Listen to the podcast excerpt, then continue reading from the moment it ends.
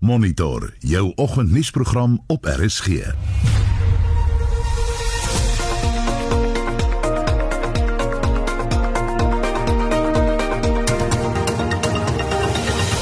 In die program 'n rommel herwinnaars trek aan die kortste end nie net oor COVID-19 nie, maar ook oor die lae olieprys. I think it needs to be above $60 a barrel for recycling material to actually be able to compete with virgin. So that's one reason the low oil price means that virgin plastic is significantly cheaper than recycled plastic. And this has led to the collapse of many end markets for recycled plastic. Die debat oor Leon Schuster se rolprente kring uit. Dit is die tipiese ding wat jy kry in meeste lande is dat daar vooraf beheer is oor rolprente want dit is baie plekke nie deur wetgewing nie, maar dis wat hulle doen by Grieks. Ek sal moet sê dit is hulle keuse om dit te doen. En deel van die debat en dan moet hulle bereid wees om daai debat te verdedig. En die land hou asem op oor die minister van Finansies Tito Mboweni se noodbegroting wat môre in die parlement ter tafel gelê sal word. Goeiemôre, ek is Anita Visser. En ek is Gustaf Greiling. Welkom by Monitor. Dis nou 12 minute oor 6 jy luister na Monitor op RSG. 'n Oorsig oor die koerant voorblaaie van Dinsdag die 23ste Junie. Die burger vandag pensionarisse se soet sege na 9 jaar. Uitgerekte hofstryd teen Transnet kom tot 'n einde. Die skikking tussen Transnet en die pensionarisse is deur regter Sue Patrol bekragtig. En daar's ook 'n berig wat sê 'n egpaar op 'n plaas by Darling vermoor. Beeld vandag ook die berig oor die pensioenskikking. Hulle het nie mooi met ons gemaak, maar geregtigheid het geseëvier. En dan ook 'n berig oor die rekordhitte in Siberië wat 80 jaar te vroeg gekom het. So 38 grade in Siberië geraak. Volksblad vandag COVID-19 Noord-Kaap arts deels verlam. Dis Dr. Waltie Vermeulen wat aanvanklik nie so siek was van COVID-19 nie, maar toe skielik binne 30 sekondes nie meer kon loop nie. Business Day vandag Telkom wil sy maste en torings se waarde ontsluit en dit soos die telekommunikasiereis begin fokus op 5de geslag internet is 5G en 'n 66% daling in sy inkomste aangekondig het. En is vinnige oorsig van die koerant voorblaaie vanoggend. Sport is wêreldwyd weer besig om aan die gang te kom. Suid-Afrikaanse rugby en cricket is nog nie heeltemal daar nie en boonop is die Sanlam Kaapstad se maraton gekanselleer. As jy egter Europese sokker ondersteun, dan is daar heelwat om na te kyk, maar hoe het jy 'n wêreld sonder sport ervaar? Was dit 'n goeie ding of nie? Stuur vir ons 'n SMS na 45889. Onthou dit kos R1.50 of gaan na facebook.com vorentoe skansreep ZRSG of jy kan vir ons 'n stemnota WhatsApp na 076 536 6961 076 536 6961 14 na 6 in die Wêreld Natuurfonds in Suid-Afrika sê die swak olieprys veroorsaak dat informele rommelherwinnaars as ware sonder vergoeding werk terwyl hulle ook aan die koronavirus blootgestel word. 'n Projekbestuurder by die WWF, Lauren de Kok, sê informele herwinnaars speel 'n belangrike rol in die herwinning van rommel in Suid-Afrika. Lila Magnus doen verslag. Dit is donker en ysig koud so koud dat die mans rondom die vuurtjie nie praat nie.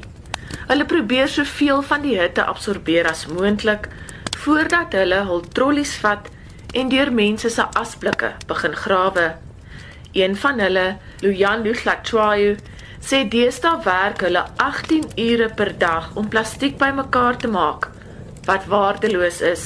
Don't want to beg uh, and ask for food. They would rather go and collect something that has no value hoping to be able to find someone who's going to be able to help them. It is a very sad situation where now, from the 23 different materials that we normally collect, only three materials actually have value. Die vrees dat hulle die koronavirus kan opdoen van rommel in die asblikke is 'n verdere gewig op hul skouers. Die Wêreld Wildlewe Fonds in Suid-Afrika se projekbestuurder van hul program vir 'n sirkelplastiek ekonomie, Lauren de Kok, sê weens die wêreldwye ineenstorting van die olieprys het die prys vir 'n ton herwinde plastiek met amper 80% geval.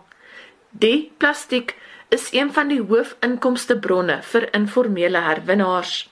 The oil price, I think it needs to be above $60 a barrel for recycling material to actually be able to compete with virgin. So that's one reason the low oil price means that virgin plastic is significantly cheaper than recycled plastic. And this has led to the collapse of many end markets for recycled plastic. And also COVID 19. So many businesses closed down, demand dropped. There were also um, perceptions that recycled plastic, you know, still carried the virus and people don't want to buy it, etc. Klatschwayo sê ten spyte van die olieprys en verskeie herwinningsmaatskappye wat weens COVID-19 hul deure besluit, hou hulle aan werk. Because right now, reclaimers in Johannesburg and in many other municipalities are the only people that are making sure that the material is not going to landfills. It's only the reclaimers that are going the extra mile of subsidizing communities, subsidizing landfills, subsidizing the environment, and subsidizing everyone. And the cost it's in their bodies. And people going out to oh, to, to sort materials because they want to be able to feed their children. Die groep se entrepreneursgees het egter gedui en hulle die plastiek begin versamel. Teen die einde van laasweek het hulle reeds 12 ton plastiek bymekaar gemaak, maar dit bring sy eie probleme. With so much storing that's happening it becomes a, threat for us also because there's problems of law enforcement. Most of the places that we store this plastic it's it's it's, it's not official sorting spaces. It could be parks, it could be it could be hidden in, in the side of landfills because we need to make it a point that when the price of plastic comes back up, we actually have managed to find ways of saving and be able to save money for ourselves and start using it properly.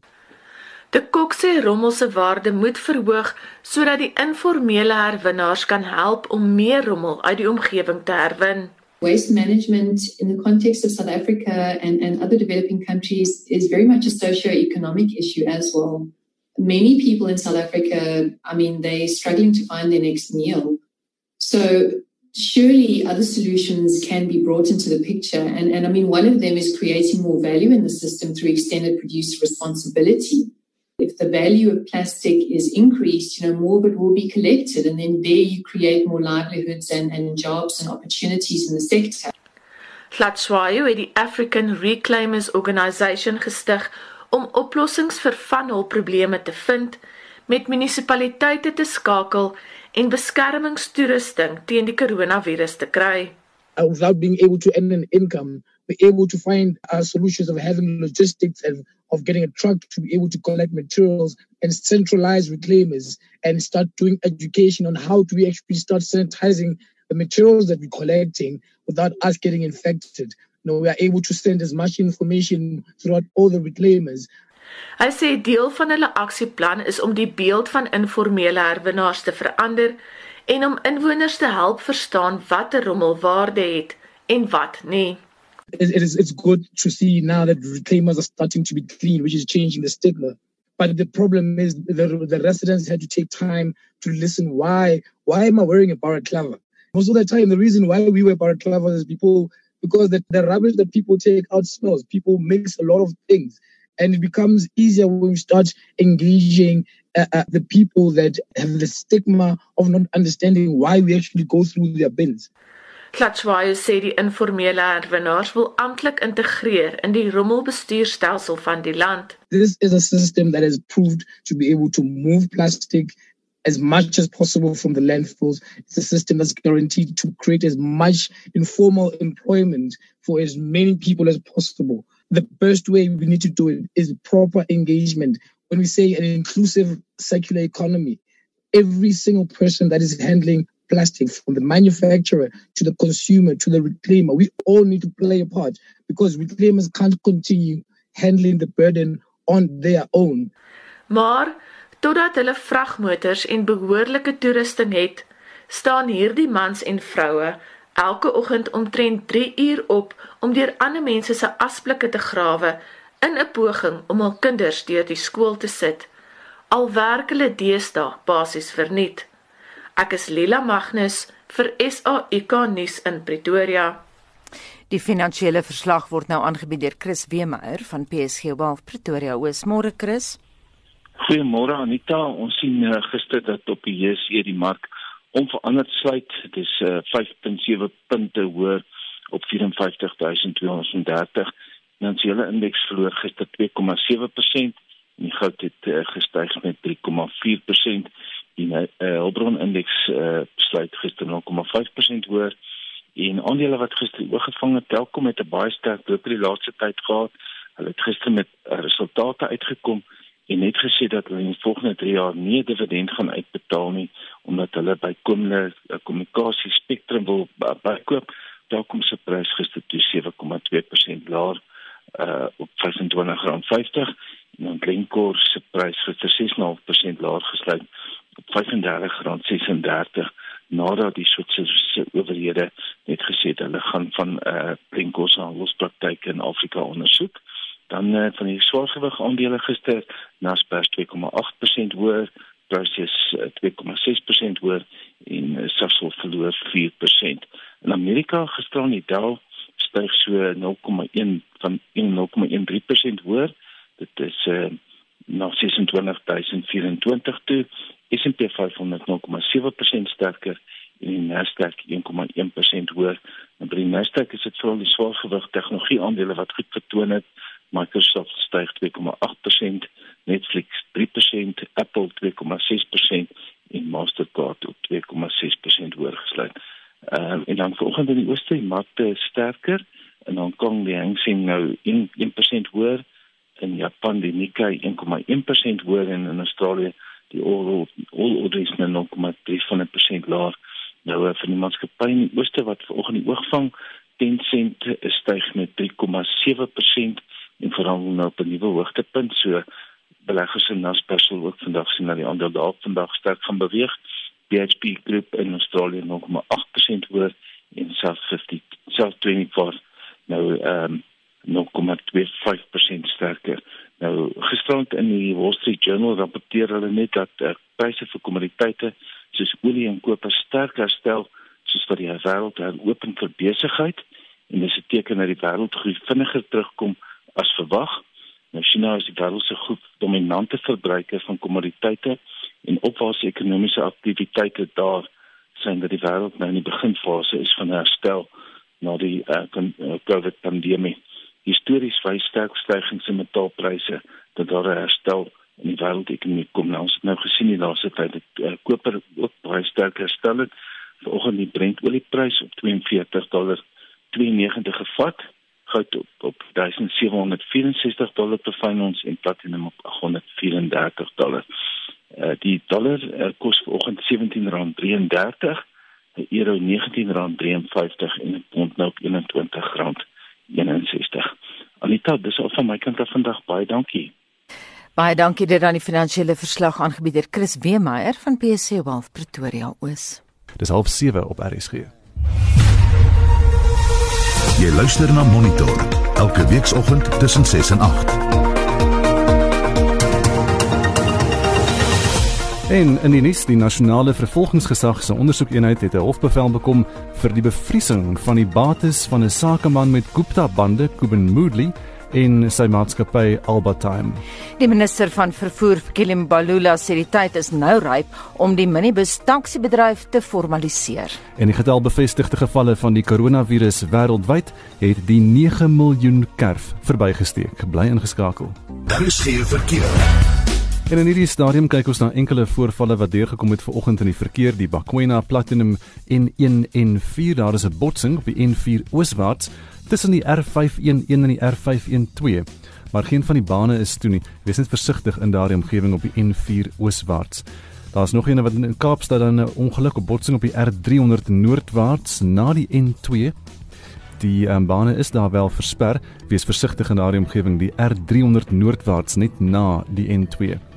En dit is dan al in hierdie stadium. Dit lyk hulle sê die Gauteng taxi uh, taksies behoort vandag te ry, so die verkeer behoort glad te wees in Gauteng behoort sê hulle op die verkeer. Dis dan al wat ons het in hierdie stadium. Daar's wel ook die Pretoria Mopane hoofweg is daar tog vertragings weens die taxi-staking. So dan in die noorde van Pretoria is daar enkele probleme daarmee.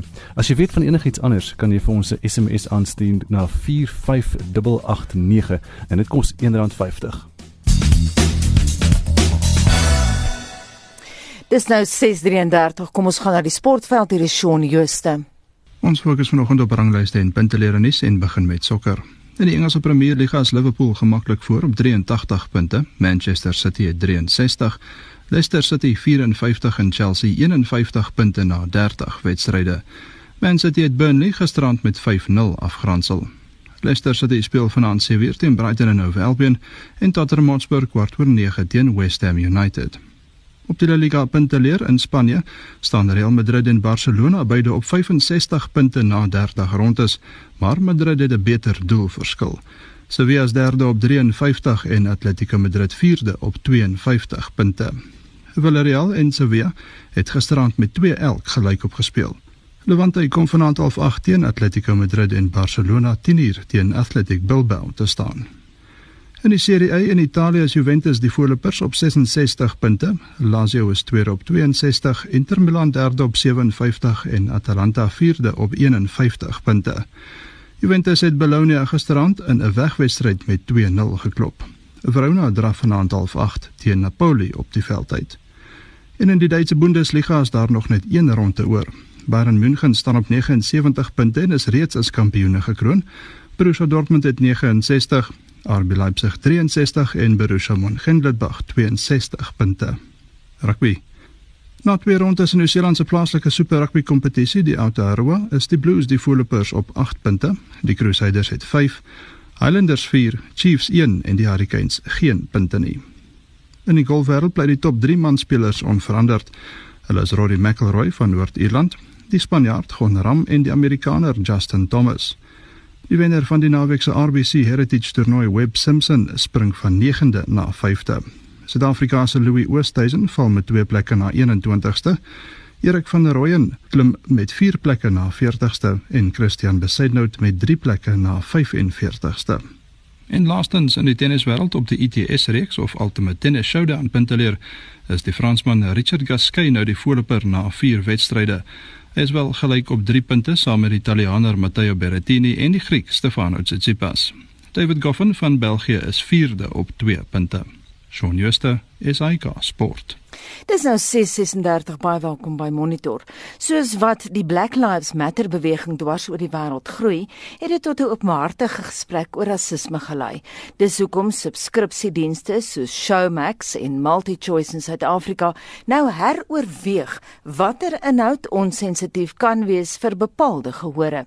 Die jongste flieks om onder die loop te kom is die van Leon Schuster, 'n kommunikasiekundige en kenner van sensuur, professor Ken Tomaselli van die Universiteit van Johannesburg vind dit vreemd dat die organisasie MultiChoice nou eers die stap neem. How come it's taking them so long to wake up to the fact that certain constituencies might find some of Leon Sister's films unsuitable for particular age groups or perhaps offensive? MultiChoice has been showing Schuster's films sometimes two or three times a day, certainly multiply every week. Different films on different channels. Dit lyk volgens Tomaselli of dit nie die gehore tot dusver geplaat nie en hulle verstaan dat wat hulle kyk nie noodwendig die waarheid is nie. Hy gebruik die Rambo films as voorbeeld waar die hoofkarakter teruggaan na Vietnam om vermiste Amerikaanse soldate uit daardie konflik te gaan haal. Die verwagting was dat dit die Vietnamese sou beledig. How were those films interpreted in Vietnam positively. The very people who had been the victims of American aggression responded in a different way to the visual imperialist analysis offered by academics because they only looked at the text. These were people who were on the receiving end and they read into Rambo films the fact that Rambo was meeting his kinship obligations by coming back to Vietnam to find the missing soldiers. They saw that as a positive affirmation of American culture. Tomaselli sê MultiChoice moet eerder meer uitvind oor wat hulle gehore voel. The audience is stratified, as I mentioned, in a variety of different ways, also by geography and language, education, and to understand what is it that these audiences take away from these films. Well, how do you explain the fact that in recent years, certainly in the cinemas, that the bulk of the people in the audiences in the cinemas were actually black South Africans. Something is happening in the way that those audiences are making sense of when they're watching the film. Hy sê daar's 'n fyn lyn tussen satire, ironie, die absurde en rasisme. Hy glo die meeste gehore snap die verskil. Die hele wêreld is nou volgens hom bewus van die honderde jare van rassediskriminasie in die FSA wat hy sê baie verskil van die situasie in Suid-Afrika. In many ways it was much sharper, whereas South Africa was much more geographically structural. It's a moment that maybe pulled movies out of the programming for the moment until we've had discussions and the audiences are clear about what they're wanting to watch. But there's a lot of other stuff on multi-choice that can be subjected to the similar kind of critique. Tog gee hy toe dat Suid-Afrika van die mees multikulturele en ongelyke gemeenskappe in die wêreld is wat daardie probleme moet hanteer. But films like Sisters, and I'm not saying that I agree with the way that he constructs his narratives, but I'm saying that they provide ways for us to look at ourselves, to laugh at ourselves, and to see ourselves from the position of the other. And Sister has put himself into that situation. He pretends to be black and he's arguing with the white farmer about a toll road in the middle of nowhere, and he gets done it until the white farmer realizes this is Schuster, and then he signs the release form and says he can be shown in the movie. Because maybe that's the first time that that farmer ever had to see somebody from a position that he never ever thought possible. Die direkteur van kulturele diversiteit by Wits, professor Melissa Stein, sê rasisme beteken baie dinge. Aan die een kant is die ooglopende bevooroordeeldheid of 'n vyhandigheid teenoor swartes. Maar dit is baie meer gesofistikeerd as dit. Dit gaan oor 'n stelsel. It's about the assumptions of what superiority and of what entitlement that have been built into the system, into the DNA, as it were. While an individual person may not specifically have any sort of nasty attitudes or beliefs about another person, as long as one is reproducing the system that has been built upon those racist assumptions, then you are reproducing racism. Die tipe rasisme is gesetel in die afleidings wat gemaak word en hoe opgetree word. Sy beklemtoon dat sosiale geregtigheid verskil van juridiese geregtigheid. If you charge someone with murder, you have to show criminal intent. Whereas in social justice work, we look at how does this action or this language land on the people who are oppressed by the racist system. If something you say or something you do helps to reproduce the oppression of black people, then that is racist. Stein glo nie dat die beskuldiging van omgekeerde rasisme teen swartes altyd geldig is nie. Dit gaan oor watter belange beskerm word. Sy sê die aandag moet wees op hoe rasisme in die samelewing sirkuleer. Die vraag is, kan swart mense rassisties wees? Through particular discourses, through particular uh, stereotypes, through particular ways of talking about people, then you can see that it is actually possible for a black person to participate in that. Or perhaps because there's some particular advantage to them.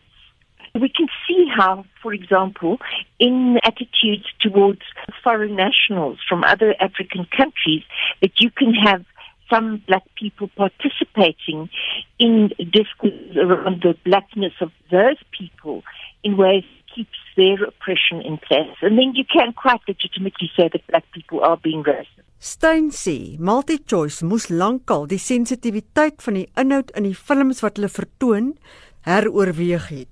In fact, many of those films should not have been made. They should not have been circulated. They were offensive then and they're offensive now. But the fact of the matter is that it would be more disgraceful if they ignore this current moment historically and don't take them off. They better do it now if they haven't done it yet. Professor Melissa Stein is direkteur van kulturele diversiteit by Wits. Mitsi van der Merwe, SAK nuus. Dis nou 17 minute voor 7. Jy luister na Monitor op RSG en die gees van die wet op films en publikasies van 1996 was vryheid van spraak en die beskerming van kinders en vroue.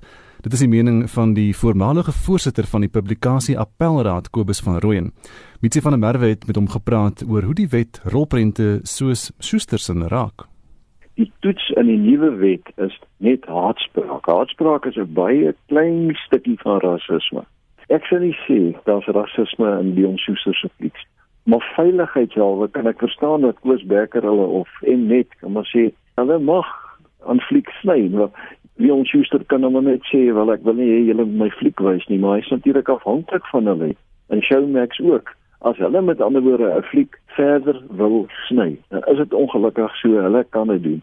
Maar die vraag is of dit polities en realisties regverdigbaar is. En dis kom ons noem dit politiek, dis debat. Dit het niks met die law te doen, niks met wet te doen nie. As ek 'n fliek gemaak het en jy ek wil hom versprei hê, dan kan die ouens dit hang af van die kontrak, maar gewoonlik kan hulle sny aan daai fliek. Maar die, die vraag, die diep vraag is eintlik of dit eintlik toelaatbaar is net soos wat Magersfontein verbied was en sê nou maar dit was nie verbied nie. Mense sou nie eers wou toelaat dat Magersfontein verkoop word nie. Met ander woorde uit eie beleid. Dis eintlik 'n morele vraag. As 'n mens kyk na blackface en die feit dat dit mense verneder of stereotipeer, sou dit onder die wetgewing onder haatspraak val. Nee, ek sê sê oor die algemeen nie. Dit hang natuurlik af van die feite van elke geval maar 'n uh, stereotipering kan beskou word as swak rolprent maak. So tipiese kritiek wat jy kry wanneer jy met letterkunde werk of met rolprente werk, dan sê ag, hy mense stereotipeer die ding. En stereotipering is nie verbode nie, dit weet ons. Maar as mense nou terugkom na die rasse kwessie in die wêreld en dan ook Suid-Afrika. Daar is 'n sekere kode wat aanvaarbaar is. En ja iemand anders wys daarop dat die publiek het nog nie gekla oor Soester se flieks nie. Hoekom word dit nou eers gedoen? Al die flieks wat hy gemaak het, is die regte liggame beoordeel onder die ou publikasiewet en onder die nuwe publikasiewet. Jy kan geen film versprei sonder toestemming. Dis eenvoudig soos die wetgewing is dit was op versoek van die verspreiders dat ons die wet so geskryf het want wanneer daar klagte inkom van die publiek dan weer hulle film moet gaan haal 30 plekke waar hy wys. So dis 'n praktiese reëling wat ons getref het met volledige toestemming van ek het al die verspreiders daar gehad in 1994 en hulle het gevra tog asseblief ons is bereid en dit is die tipiese ding wat jy kry in meeste lande is dat daar vooraf beheer is oor rolprente want dit is baie plekke nie deur wetgewing nie, maar dis wat hulle doen by Grieks. Ek sal moet sê dit is hulle keuse om dit te doen. En deel van die debat en dan moet hulle bereid wees om daai debat te verdedig uh, op die gewone kanale in in koerante en maar die wetgewing laat jou toe as 'n uitsaier dit afhangend van jou kontrak om wel te sê ek gaan nie jou fliek wys as ek nie snitte kan maak nie. Die vraag is of dit moreel regverdigbaar is en of dit dalk nie oordoen is nie. Dis 'n ander vraag.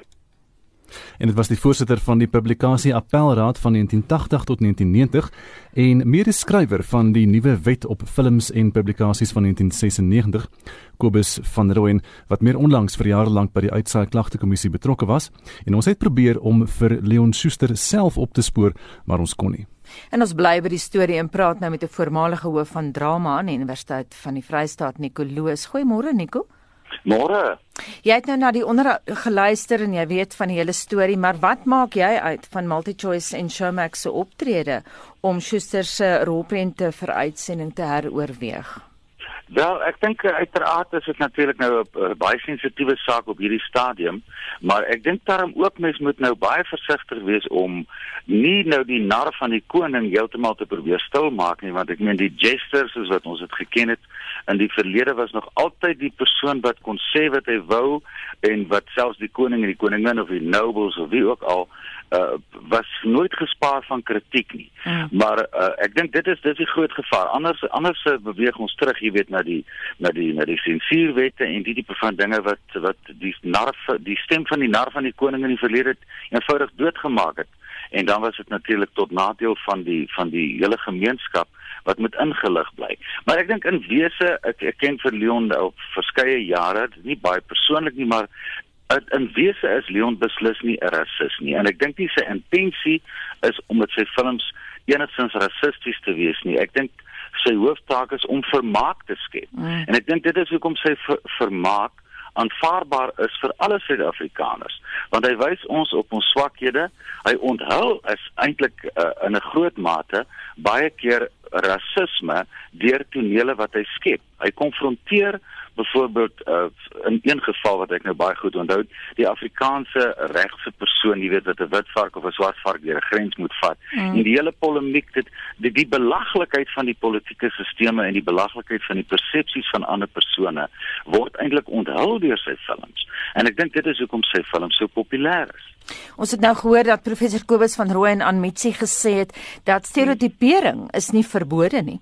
Nee, glad en geheel nie. Ek meen as dit so ver gaan, dan moet karikatuur sketse en al hierdie tipe van dinge kom in gedrang. En ek dink die die kunstenaar of hy nou 'n karikatuur kunstenaar is wat sketse maak en of dit 'n filmmaker is en so, moet juis wys juis vir ons dat na hierdie valse soort van stereotipering wat wat in die gemeenskap voorkom. En ek dink almal lag daarvoor want dit is 'n funksie wat die wat die kunstenaars wat die kunstenaar het is om te onthul wat verkeerd is in die in 'n gemeenskap of wat snaaks is of wat belaglik is. En ek dink in Leon se geval gaan dit oor die belaglikheid van politieke en sosiale sisteme en hoe ons persepsies vir mekaar na vore kom. En ek dink ons herken onsself almal daarin Nico, ek dink dit is belangrik net om te herhaal wat Gustaf net nou gesê het terwyl van mm -hmm. regverdige journalistiek. Ja. Ons het probeer om vir Leon Schuster in die hande te kry vir sy kommentaar. Ons kon hom nie in die hande kry nie, maar ja. ook belangrik weer eens terwille van balans. Hy het 'n groot mark wat hom steun en hom geniet en nie net wit Suid-Afrikaners nie. Presies ja, baie beslis. Ek sien ek dink dit is omdat ek ek wil nie die woord van beide kante nie. Iemand het net net die woord die ander gebruik. Maar ek dink dit is juis hierdie films wat die ander onthul en ons belaglike soort van persepsies van die ander baie keer uitlig en ons lag daarvoor. As 'n volk nie vir homself kan lag of 'n gemeenskap nie vir homself kan lag nie, dan dan dan dan dan, ons probleme want dan is daar nie 'n volwassenheid om objektief na die situasie te kyk nie. Mens moet En soos en soos wat aangehaal is daar, jy weet daar die, die hele uh uh, uh vir vermaaklikheidswet en die tipe van dinge in die publikasiewet daar is tog sekere dat dan sekere besluste hekkies wat wat wat wat kan sê jy weet hierdie is ontoelaatbaar of hierdie grens aan rasisme. Ek dink die die saak is 'n bietjie hoog opgeblaas en 'n mens kan miskien krities kyk na van sommige van die tonele wat miskien sou kon lyk na rasisme, maar ek dink Leon se hele idee is om te vermaak en en en dit is dit is sy sy uitgangspunt nie rasisme spesifiek nie. Sê vir my Nico, is daar hmm. dalk 'n kompromis te tref? Wel ek sou sê miskien moet uh, as as daar regtig oor die kundige gekyk word na van die films en en besluit word jy weet deur 'n publikasieraad wat objektief kan kyk en wat verteenwoordig is verteenwoordigend is van gemeenskappe in Suid-Afrika. En sê hoorie hier ervaar ek daardie grens aan rasisme of hierdie is vernederend vir my of daardie uh, spesifieke toneel, jy weet, kan grens aan haatspraak. Ek dink dan kan 'n mens selektief daarna kyk. Maar ek dink om om 'n om 'n hele film of of 'n ek wil amper sê die die die man se hele genre af te skiet as rasisme dink ek is is is dalk nie heeltemal geregverdig. Ons praat ver oggend met 'n voormalige hoof van drama aan die Universiteit van die Vrystaat Nico Loos. Nico, dalk nog 'n belangrike saak, mens moet dit binne die konteks sien van Suid-Afrikaanse humor. En ja. Suid-Afrikaanse humor is robuust. Ek dink nou aan 'n baie bekende restaurantgroep waarvoor ja. ons almal altyd so lag en uh, hulle is nie altyd polities baie korrek nie, maar Suid-Afrikaners nee. vat dit. Hulle hulle hulle vat dit ja, want hulle sien absoluut jy weet dit dit ek dink spesifiek daai persepsies wat ons het en wat persepsies het van die ander word reeds onthul deur hierdie skerp soort van satire. En en dan reageer mense daaroor daarop en dis tog wat die satirikus wil doen. Hy wil met 'n skerp snydende swaard sonder genade wil hy wil hy iets uitbuit maar dit is totaal en al vir my verskillend van van Leon se fiks ek dink nie daar's uh, Leon se intensies as die ou Engelsman sou gesê het is beslis nie as mens regtig gaan kyk om neerhalend te wees om om jy weet om werklik mense te verneder en so. Dit word met 'n tong in die kies word daar gekyk na die Suid-Afrikaner. En hy, hy sny weerskante toe. Hy onthou nie net sekere sekere uh, groeperings in die land nie. Hy onthou die die swakhede in die van van na weerskante toe en ek dink dit is hoekom hy populêr is nie net onder blanke Suid-Afrikaners nie, maar oor in die hele breë Suid-Afrikaanse gemeenskap. Nico, is daar 'n hmm. ander rolprentmaker in ons land wat sy rol kan speel, wat kan doen wat Leon doen? Ek dink nie almal het die waag moet nie, want ek dink Leon is die uh, Leon is die is die persoon wat die balans nogal in 'n groot mate vir my gehou het.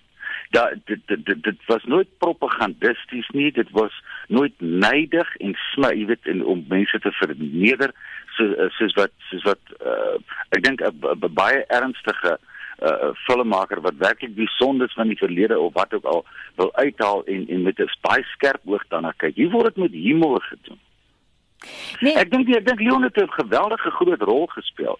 Juis in die in die oopmaak van mekaar se se se sienings van mekaar deur sy films. Hmm. Want hy gooi die pers, pers, pers, persepsies en perspektiewe van weerskante af vir die breë publiek en ek dink dis juist hoekom hy so suksesvol was. Nou gewoonlik hou mense nie daarvan om voorgeskryf te word nie, net laasens ja. Nico, kan ja. ons 'n woedende teenreaksie verwag? 'n Teenreaksie uh, bedoelende uh, uh, wat, wat wat wat wat mense nou wat mense nou kwaad is vir MultiChoice en Showmax en dit eenvoudig gaan wys. Ek dink nie so nie. Ek weet daarom nie. Ek dink net die hele saak moet modernis aangepak word en ek dink mens moet bietjie herbedink. Ek weet nie hoe vinnig daai besluit geneem is nie, hoe wyd gekonsulteer is nie.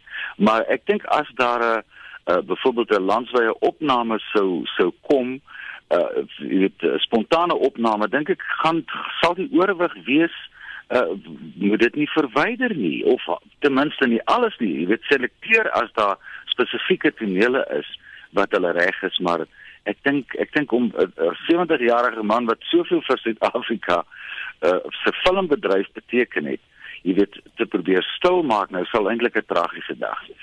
Baie dankie en so sê voormalige hoof van drama aan die Universiteit van die Vrystaat Nico Loos. Ons het probeer om gister vir Leon Schuster in die hande te kry vir sy kommentaar, maar ons kon nie daarin slaag nie. Dis nou 4 minute voor 7 en die Wêreldgesondheidsorganisasie het die hulp van die grapjas Mr Bean ingeroep om met bewusmaking oor COVID-19 te help.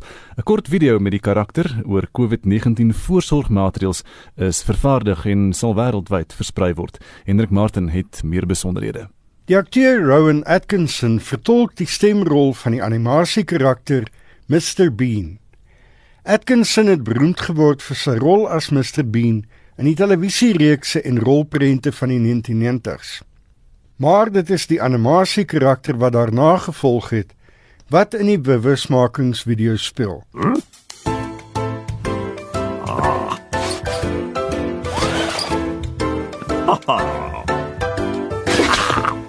In die video kan gesien word hoe Mr Bean met 'n vensterblinding stoei voordat dit uiteindelik tem en afrol.